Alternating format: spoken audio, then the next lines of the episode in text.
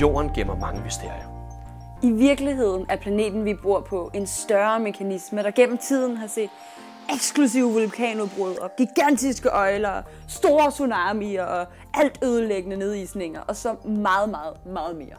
Hvad nu hvis, at vi kunne læse i jordens dagbog ved at tolke på de små rester af fortiden, som ligger tilbage? Med de rette briller kan vi med lidt træning og en masse fantasi rekonstruere de her fantastiske naturfænomener, som har fundet sted på jorden for længe, længe siden. Jeg hedder Mathilde Liverkind. Og jeg hedder Emil Soltau. Til daglig så er vi studerende på kandidaten på Geologi Geoscience. Vi går iblandt så mange passionerede og erfarne eksperter, der har videt en del af deres liv til at afdække aspekter af jordens mysterier. Og vi kender kun en lille brøkdel af den.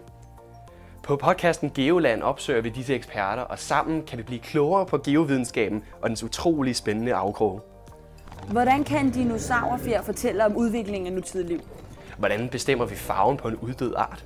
Er månen lavet af ost, og hvor meget har den egentlig til fælles med vores jord? Hvordan kan vi begrave drivhusgasser og skabe en sikker fremtid? Hvis vi tog til Mars, hvad er så reelle tegn på liv, som vi kan finde? one giant leap for mankind. Vidste du, at man kan bruge pollen til at udtale sig om gamle klimaforandringer og endda opklare mord med? Vi kan ikke vente med at komme i gang med vores nye podcast Geoland, som udspringer af bladet Geoviden.